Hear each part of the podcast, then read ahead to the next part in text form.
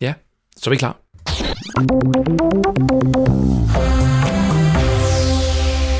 Tror du, at en ny spiller kan rykke ved Apple og Samsungs førerposition på mobilmarkedet? Måske, måske ikke, men indtil flere forsøger faktisk at tage den her kamp op.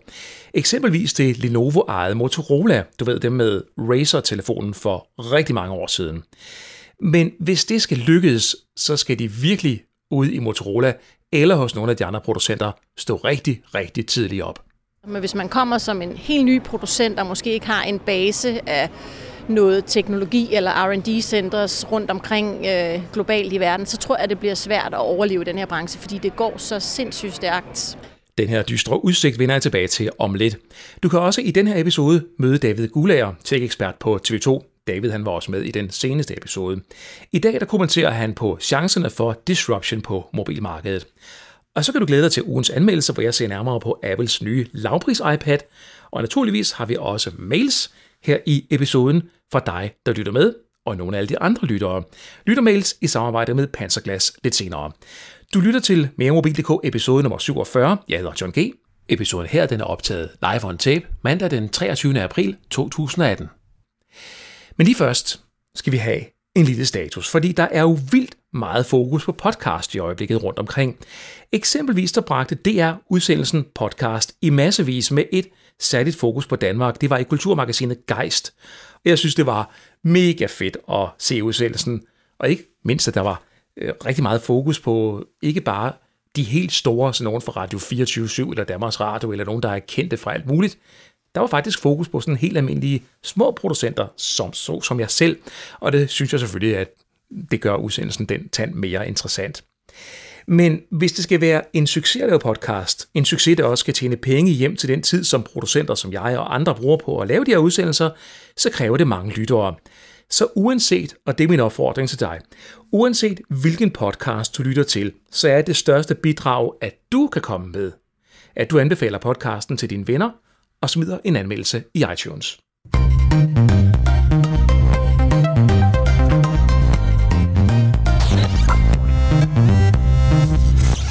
Lad os se lidt på, hvad der er sket på nyhedsfronten siden den seneste podcast-episode. Google de vil i øh, nærmeste fremtid opdatere Gmail-tjenesten. Ikke alene så får mailprogrammet i webversion et nyt design, men der kommer også nye funktioner. For eksempel bliver det muligt at udskyde beskeder, til du har tid til at læse dem, og det vil også være muligt at få kalender og huskeliste vist på samme tid. Fået nye funktioner, så har det generelle design af Gmail også fået et facelift. Det kan være, at Google vil benytte deres udviklerkonference Google I.O. i maj måned til at løfte sløret sådan for alvor for den nye Gmail. Har din Android-telefon nu også virkelig den sikkerhedsopdatering, som dit system i telefonen viser? Nej, er den dårlige nyhed. Det er ikke nødvendigvis tilfældet. Det er Carsten Nol og Jakob Lell. De kommer fra Security Research Labs, SRL, der er kommet frem til den konklusion. Efter to års undersøgelser, så er resultatet omkring sikkerheden nedslående. I mange tilfælde så viser telefonen, at den har alle sikkerhedsopdateringer til Android frem til en given dato, men i virkeligheden mangler der en del patches, som ikke er blevet installeret. Og han siger, Carsten Nol til Wired.com, i nogle tilfælde er det blot datoen for sikkerhedsopdateringen, som ændres uden at der reelt er installeret et patch. Sandsynligvis på grund af marketing sættes en vilkårlig dato ud fra, hvad der ser bedst ud. Vi fandt flere leverandører, som ikke installerede så meget som en enkelt opdatering, de ændrede bare datoen. Det fortalte Carsten Nol lidt tidligere op til Wired.com. SRL de har testet systemsoftwaren, altså firmwaren, på 1200 telefoner fra mere end 12 forskellige producenter, og de har set på patches til Android, som er udstedt i 2017. Så sikkerhedswise på Android er det her en rigtig dårlig nyhed. En god nyhed til gengæld for nogen vil nok være, at TDC er blevet solgt siden sidst. Nu er det en realitet, at konsortiet bestående af en række pensionskasser og en australsk investeringsbank, de har købt TDC. Det ligger fast efter et ja tak til købstilbuddet fra 88% af aktionærerne i TDC. Og allerede fra den 4. maj, ja det er jo lige om lidt, så forventes handlen at være gennemført, da konsortiet allerede har fået en godkendelse fra myndighederne. Og nu kommer så det spændende. For det bliver mega interessant at se, hvordan de her nye ejere vil forandre TDC. Det har jo tidligere været fremme, at der skal satses mere på de klassiske ydelser som netværk og infrastruktur, og mindre på fjant og tant og fjæs og gøjl, som øh, såkaldt at være indholdsleverandør, indholdsmaskine, som TDC og UC jo har brugt rigtig mange ressourcer på. Konsortiet de lovede desuden, desvage, konsortiet de lovede desuden tilbage i starten af februar hurtigere netforbindelser til os danskere. Fra midten af 2020'erne skulle vi så, så sandsynligvis kunne se frem til internethastigheder på 1 gigabit, lovede konsortiet, før de købte TDC. Så hvis bare de kunne få lov til at købe TDC, så ville de så gerne give os gigabit-forbindelser, sagde de dengang. Jeg kommer til at følge med i, om det også kommer til at ske.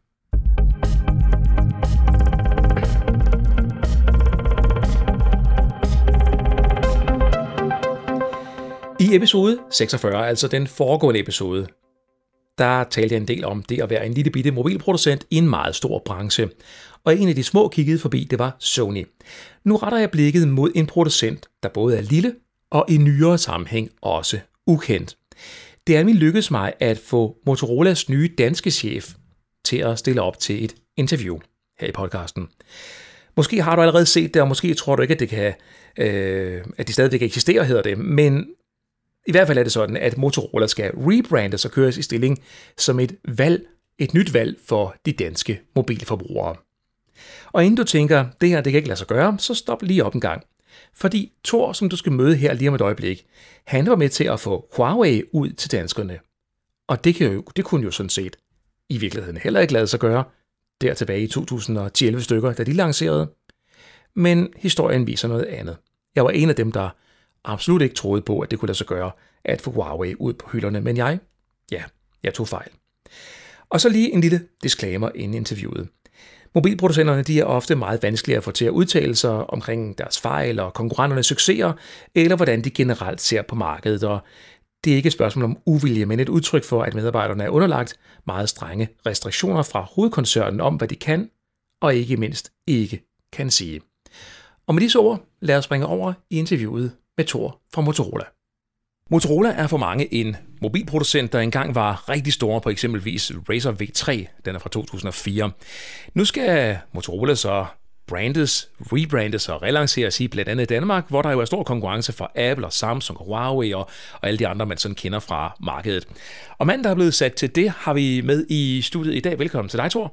Tak skal du have, John. Thor Götz, landeschef for Motorola sådan helt officielt og på dansk. Øh, Thor, hvad er årsagen til, tror du, at du er blevet valgt til at skulle, øh, skulle rebrande Motorola? Altså, hvad har du at have det i? Jamen altså, øh, hvad har jeg haft i? Jeg har været, jeg har været fald arbejdet i branchen i en øh, 11-12 år. Jeg har været ansat for mobilselskabet 3, hvor jeg har forskellige roller. Blandt andet var jeg med i, øh, i, i, i de første dage i forhold til Oyster. Øh, og så har jeg... Øh, inden jeg for et år siden kom øh, til Motorola og Lenovo, jamen så har jeg været ansat hos øh, Huawei, hvor jeg var en del af teamet her, der, øh, der fik øh, Huawei på, øh, på, på plads i det danske marked, man så må sige.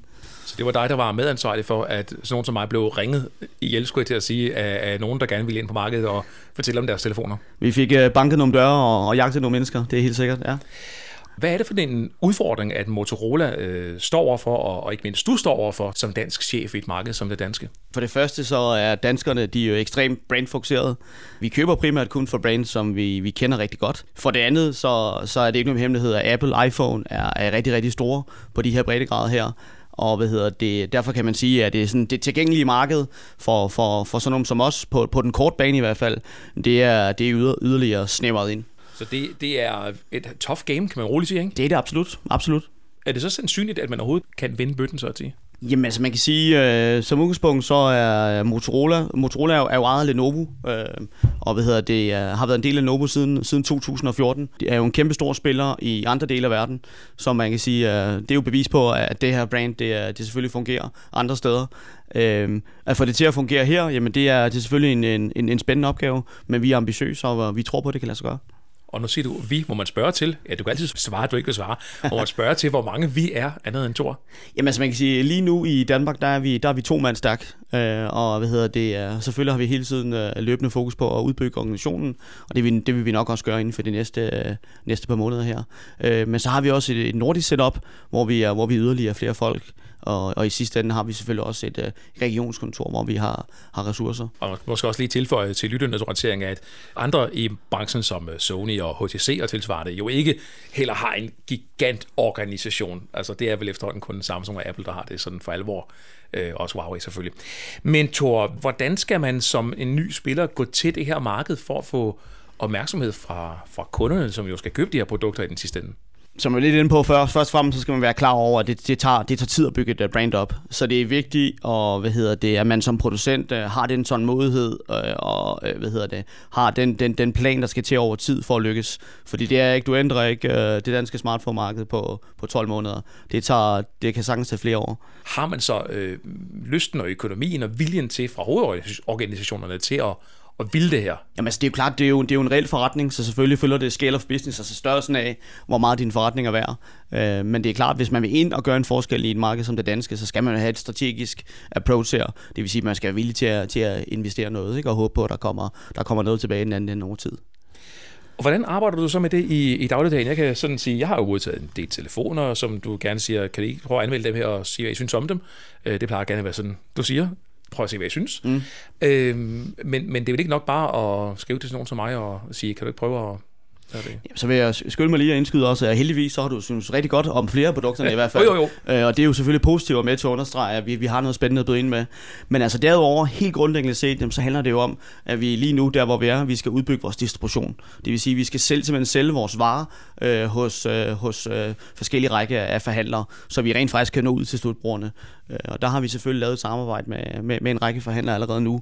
Herover, som du var inde på før, jamen, så skal vi jo bygge vores organisation op øh, i takt med, at forretningen vokser. Vi skal have sådan nogle helt basale ting som vores digitale platform på plads. Her for nogle måneder siden lancerede vi Motorola.dk, hvor man kan gå ind og læse om vores produkter. Øh, inden længe så kommer vi på Facebook, det er ikke nogen hemmelighed, med en lokal øh, Facebook-site med community management, det vil sige, hvor øh, brugerne kan henvende sig og få, få, få svar på spørgsmål osv. Øhm, og så, hvad hedder det, så kan man sige, helt grundlæggende, så handler det her jo om at, at, at gøre Motorola til et brand, man i, igen vil overveje. Lad os sige den morgen, hvor man vågner op, bad i smød og er, er, er i markedet for en smartphone igen, at man så tænker Motorola. Og det er jo hele den her rejse, vi skal ud på, hvor vi skal selvfølgelig markedsføre os på, på egen hånd, men, men selvfølgelig også sammen med, med de partnere, vi nu engang øh, samarbejder med. Det er jo høn og ægge det her. Når du kommer ud til operatørerne eller til, øh, til generelt salgskanalerne, så skal de jo gerne vide, at de her produkter kan sælges. Hvordan i al verden får man dem overbevist om, at det er en god idé at, at tage et øh, smartphone-brand på hylden, som jo i al respekt ikke rigtig sælger noget? Det, der er allervigtigst her, jamen det er jo egentlig, at du har nogle, nogle gode produkter, og nogle produkter, der differentierer sig for det, der i forvejen er i markedet. Og har man det, jamen så vil forhandlere typisk sige, jamen så synes vi, det er interessant. Vi vil gerne prøve at sælge dine varer, fordi vi tror, der er nogen, der gerne vil, der vil købe det her. Ikke? Og her til slut, fordi tiden den går rasende stærkt. Hvad er ambitionen med Motorola? Skal Moto være sådan et hyggebrand, eller er der ambitioner om sådan for alvor at bide sig fast? Jamen altså, øh, som jeg har fået sagt nogle gange også, altså Motorola er jo en del af Lenovo. Lenovo er, hvis man ikke skulle kende dem, så det er verdens største PC-producent i dag. Øh, en af de største tech-virksomheder i verden. Så man kan sige, vi driver en forretning, og i sidste ende, så skal vi jo selvfølgelig levere en, øh, en fortjeneste. Så det er ikke nogen hyggemission, vi er ude på. Øhm, jeg kan også lige give et, et hurtigt wrap-up på, på Motorola, man kan sige worldwide. Øh, vi er rent faktisk den øh, næststørste producent overhovedet øh, i øh, Sydamerika. Øh, I et marked som Brasilien, Øh, der har man over 30% af markedet. I USA, der stormer vi frem lige nu og har taget øh, øh hvad hedder det, double, uh, øh, double op markedsandel på, på et år og ligger blandt de, de fem største spillere. I Indien er man med helt fremme i toppen. Øhm, så man kan sige, at vi gør os allerede øh, fornuftigt i andre markeder. I Vesteuropa, det seneste års tid, øh, er vi den øh, næst hurtigst voksende smartphone-producent. Men ting tager tid, det skal man være klar over. Så i takt med forhåbentligvis, at vi kommer med nogle, med, med nogle rigtig fine produkter, der, hvad hedder det, der, der, der retfærdiggør at blive taget ned af hylden, så, øh, så tror vi helt, helt klart på, at vi kan, vi kan komme langt. Og når vi taler ved om et års tid, hvad tænker du så? Hvor stor er, de blevet, er Motorola blevet? Jamen altså, så glæder jeg mig til at komme og fortælle, at der har været en, en øh, vækst, og vi kan kigge os over skulderen, og vi er gået fra, fra A til B til C, formentlig. Jeg vil i hvert fald holde det op på, at jeg kommer til at følge med i, hvad der kommer til at foregå i jeres øh, del af branchen også. Så det tager vi til den tid. Tor, tak fordi du kom. Challenge accepted. Motorola de satser indtil videre på value for money-konceptet og angriber lige nu mellemklasse mobilmarkedet. Det sker med telefoner til under 2300 kroner baseret på Android. De nyeste produkter hedder blandt andet Moto G6 Plus, Moto G6 og Moto G6 Play. Og har du kun 1199 kroner til en ny smartphone, så er det Moto E5, du skal kigge efter. Der er anmeldelser på mig Der er anmeldelser på vej på meremobil.dk.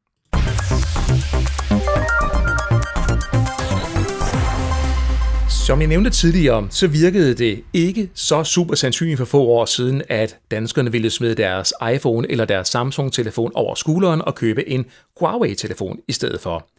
Jeg var selv meget skeptisk, og jeg brugte i starten ikke ret meget tid på Huawei, men min kollega Lene slog kløerne i dem og fulgte deres udvikling løbende. Jeg sprang så på, da jeg pludselig kunne se, at det var faktisk rigtig spændende, det de havde gang i. Jeg har mødt Marie Feldborg fra Huawei. Marie hun er Senior Marketing Manager, og hun var med i Huawei dengang mobilforretningen startede i 2011. Dengang, hvor Huawei stod lidt ligesom Motorola gør i dag med hatten i hånden og håbede på, at nogen kom forbi, stoppede op og kiggede på produkterne. Vi fik en lille snak om, hvordan det var at være den første på kontoret og forsøge at sælge telefoner med alle odds imod sig. Og til slut der kommer Maria også med hendes vurdering af, om det er sandsynligt, at markedet igen kan vendes op og ned af en ny producent. Marie, over de seneste år, der er det jo lykkedes meget godt at øh, brande Huawei som noget, folk de både kan stave til og øh, købe i forretningerne, og ikke mindst også udtale. Men dengang tilbage i 2011 stykker, da du var ny i foretagendet, og da Huawei var ny i Danmark, hvordan greb I den opgave an? Ja, man kan sige, at på det tidspunkt var Huawei faktisk ikke helt nye, øh, fordi vi havde faktisk været i Danmark siden 2006, og man kan sige, at det var jo primært vores dongle-forretning og mobil wifi og så videre, som vi jo ligesom var kendt for øh, for consumer-siden øh, og hos operatører og så videre.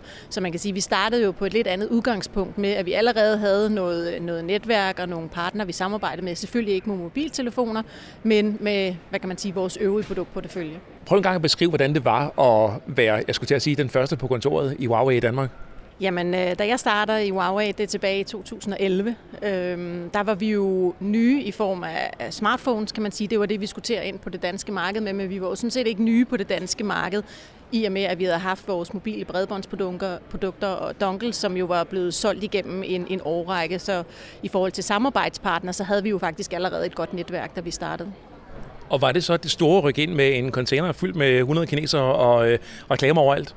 Ej, det var meget beskeden. Vi var et lille team, der blev etableret i 2011. Øh, og, og så var det bare at smøge ærmerne op, fordi selvom vi, kan man sige, havde nogle gode øh, udgangspunkter i form af de samarbejdspartnere, vi havde, så var det jo lidt noget andet at komme med mobiltelefoner frem for mobile bredbåndsprodukter, øh, og der havde vi jo selvfølgelig også noget at bevise.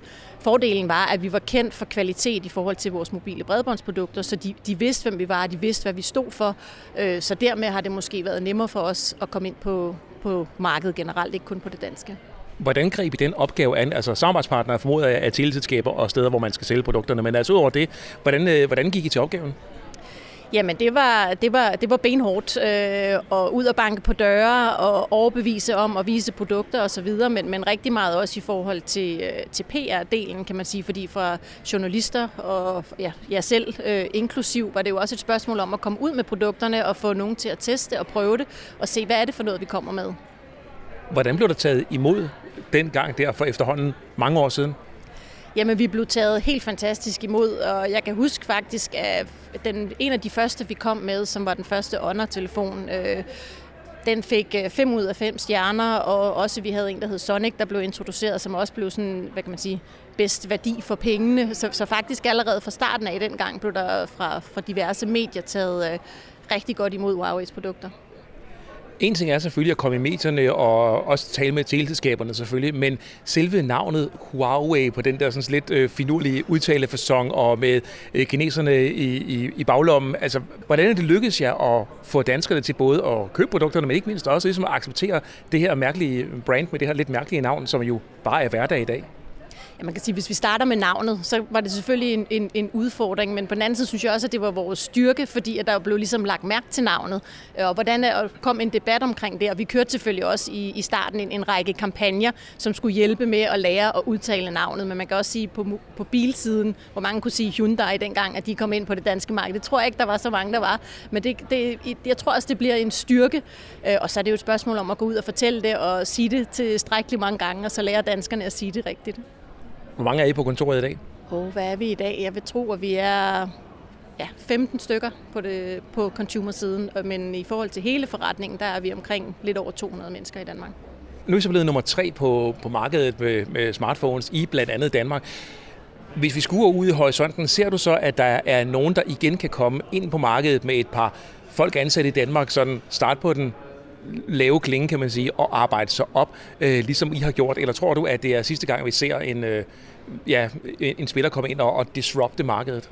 man kan sige, det kræver i hvert fald, at de har nogle helt egne styrker inden for specielle områder. Man kan sige, at Huawei har gjort rigtig meget i forhold til batterioptimering. Vi har produktion af vores egen chipset, og så har vi jo hele, hvad kan man sige, netværksforretning i forhold til optimering af både 4G, 5G og så videre, som er jo, hvad kan man sige, styrker, som vi implementerer i vores produkter. Men hvis man kommer som en helt ny producent, og måske ikke har en base af noget teknologi eller R&D-centers rundt omkring øh, globalt i verden, så tror jeg, det bliver svært at overleve den her branche, fordi det går så sindssygt stærkt med både udviklingen og også, hvad man ligesom skal, skal bringe på markedet. Så hvis man ikke er i top i, i innovation og udvikling, så tror jeg, det bliver svært at overleve fremtiden. Huawei de er netop nu aktuelle med P20-serien. Du kan læse min anmeldelse af Huawei P20 Pro på meremobil.dk. Den fik 5 ud af 6 stjerner, og det er en telefon, som jeg gerne vil anbefale.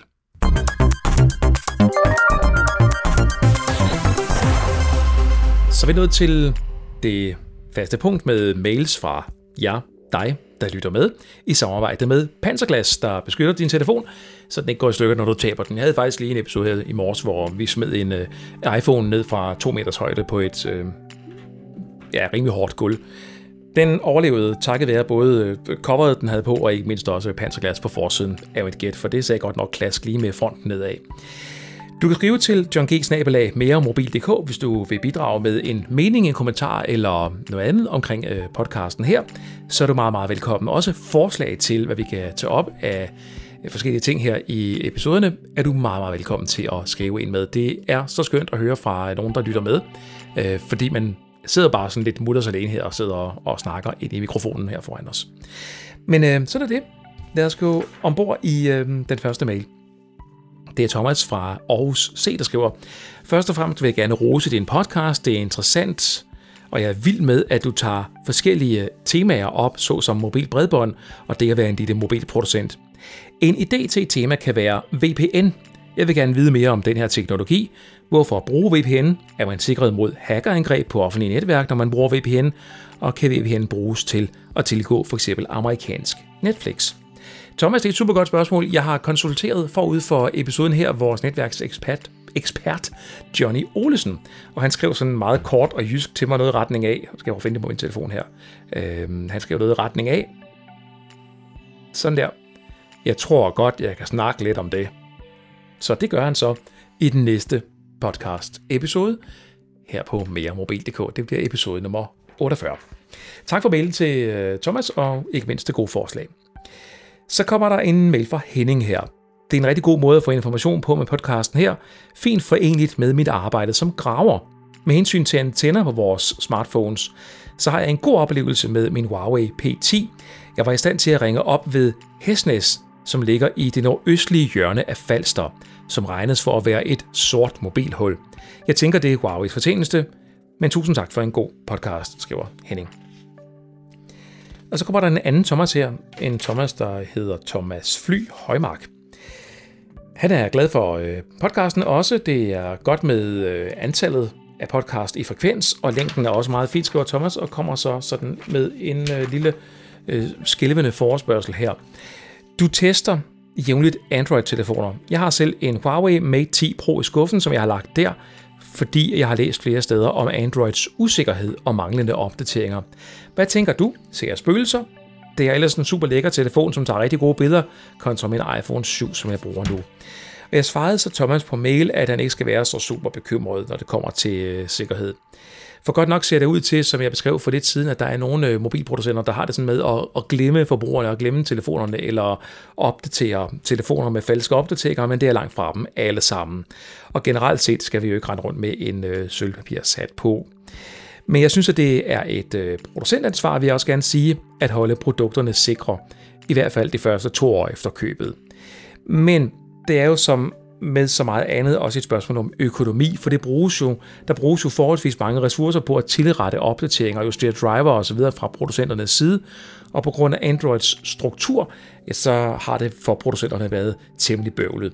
Fra Android 8, så er der dog kommet en stor ændring i strukturen, der skulle gøre den her opdateringsproces lettere for producenterne, så vi håber, det bliver bedre i fremtiden. Men i kort form, Thomas, brug du bare din øh, Huawei Mate 10 Pro, hvis du er glad for den. Det tror jeg altså helt ærligt ikke, at der sker ret meget ved. Det var den sidste mail, jeg nåede i den her omgang. Du er meget velkommen til at bidrage med en øh, kommentar, spørgsmål eller hvad du måtte have lyst til, hvad du har på hjerte. Send mail afsted til johng Det er lige præcis mails fra dig, der lytter med, der er med til at gøre podcasten levende og lave, og ikke mindst også levende og lytte til.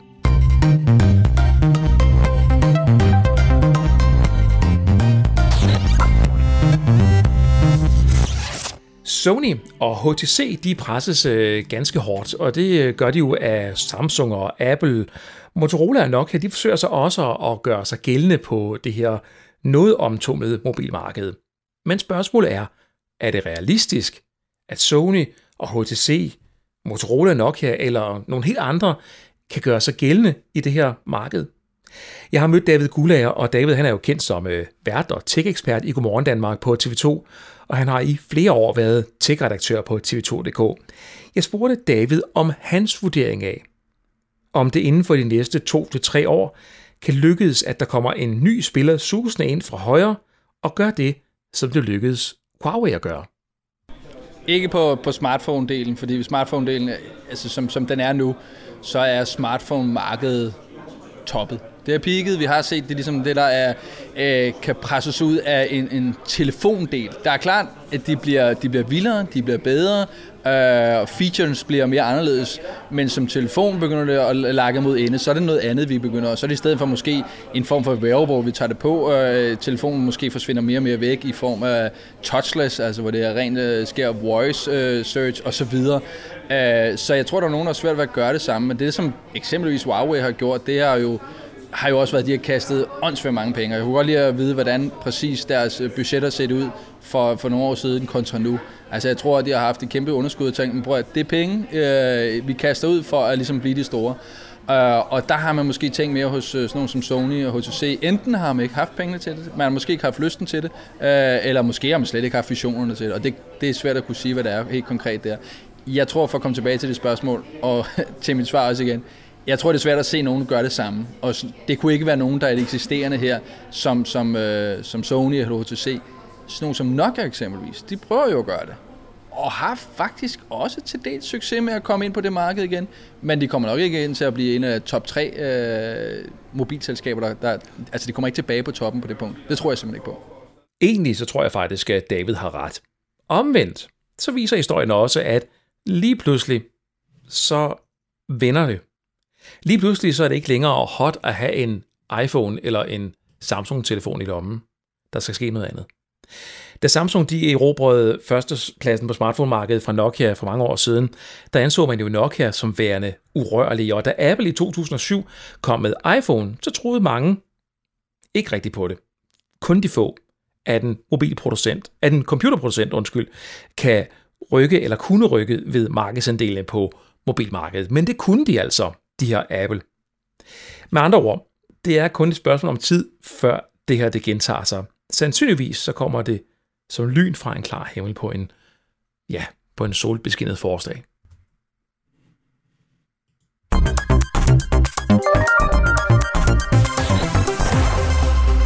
Ja, det bliver så interessant, om det bliver en eksisterende spiller eller en helt anden, som vi slet ikke kender i dag, der pludselig vender op og ned på det, som vi oplever som værende hverdag i dag.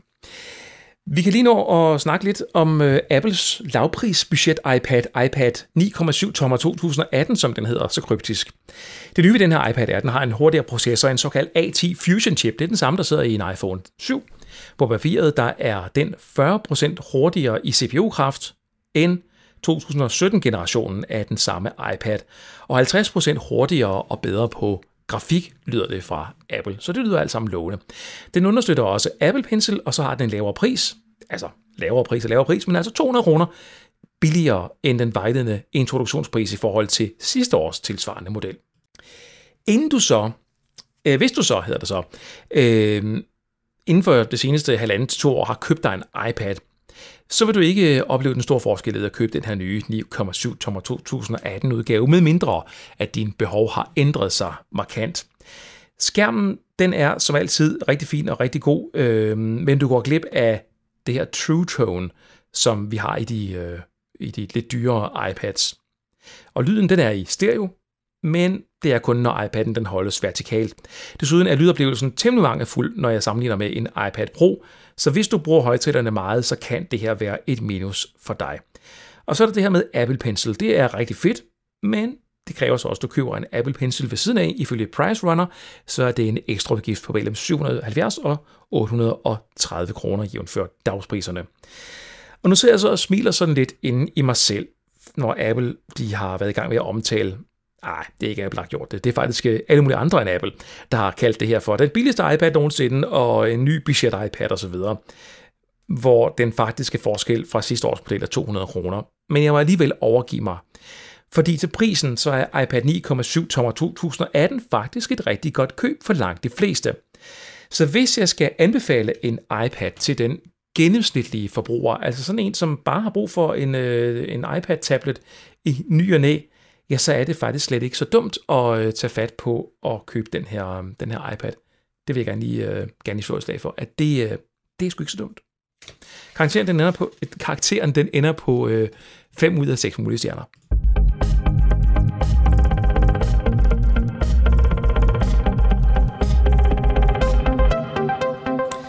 Vi er så småt ved at trille hen mod vejs ende her i øh, tech-podcasten fra meremobil.dk. Lad mig lige runde af med en øh, kommentar, som jeg fandt på på, øh, hvad hedder det, på iTunes. En, øh, en kommentar, som kom fra en, øh, der har lyttet til podcasten, og ikke mindst også valgt at give den en, øh, en karakter og en kommentar. That cool Danish guy, John G. formår at gøre selv de mest forvirrende historier til historier, som man gider lytte på. Point for det. Valget af historier er altid interessant og aktuelt 5 stjerner. Tusind tak for anmeldelsen her i iTunes. Jeg håber også, at du vil gå ind og være med til at anmelde podcasten i iTunes, for der er jo det at sige til det, at når der kommer anmeldelser, gode anmeldelser i iTunes, så ryger podcasten længere op på hitlisten hos Apple, og så sker der jo det, at øh, jeg får nogle flere lyttere. Og det er jo præcis det, der er brug for. Så det håber jeg, at du gerne vil. Og hvis ikke du øh, er på øh, iTunes og Apple Podcast osv., så, så lyt alligevel med. Det kan du gøre på Android, på din favorit podcast player. Du kan gøre det på web, på vores øh, hjemmeside, altså på meomobil.dk-podcast, og så klik på den episode, som du godt kunne tænke dig at lytte til. Og så endelig, husk at sende kommentarer, positive som dårlige, øh, plus og minuser for udsendelsen her. Kommentarer til øh, ting, du kunne tænke dig, at vi skal tage fat på her i podcasten, eller i det hele taget bare dine mobiloplevelser. Du kan skrive til johng meremobil.dk, det er adressen. Episoden her, den er ved at være slut. Tak fordi du valgte at lytte med. Den næste episode, det er episode 48. Den skulle gerne om alt går vel udkomme mandag den 14. maj. Mit navn er John G. Ha' det godt.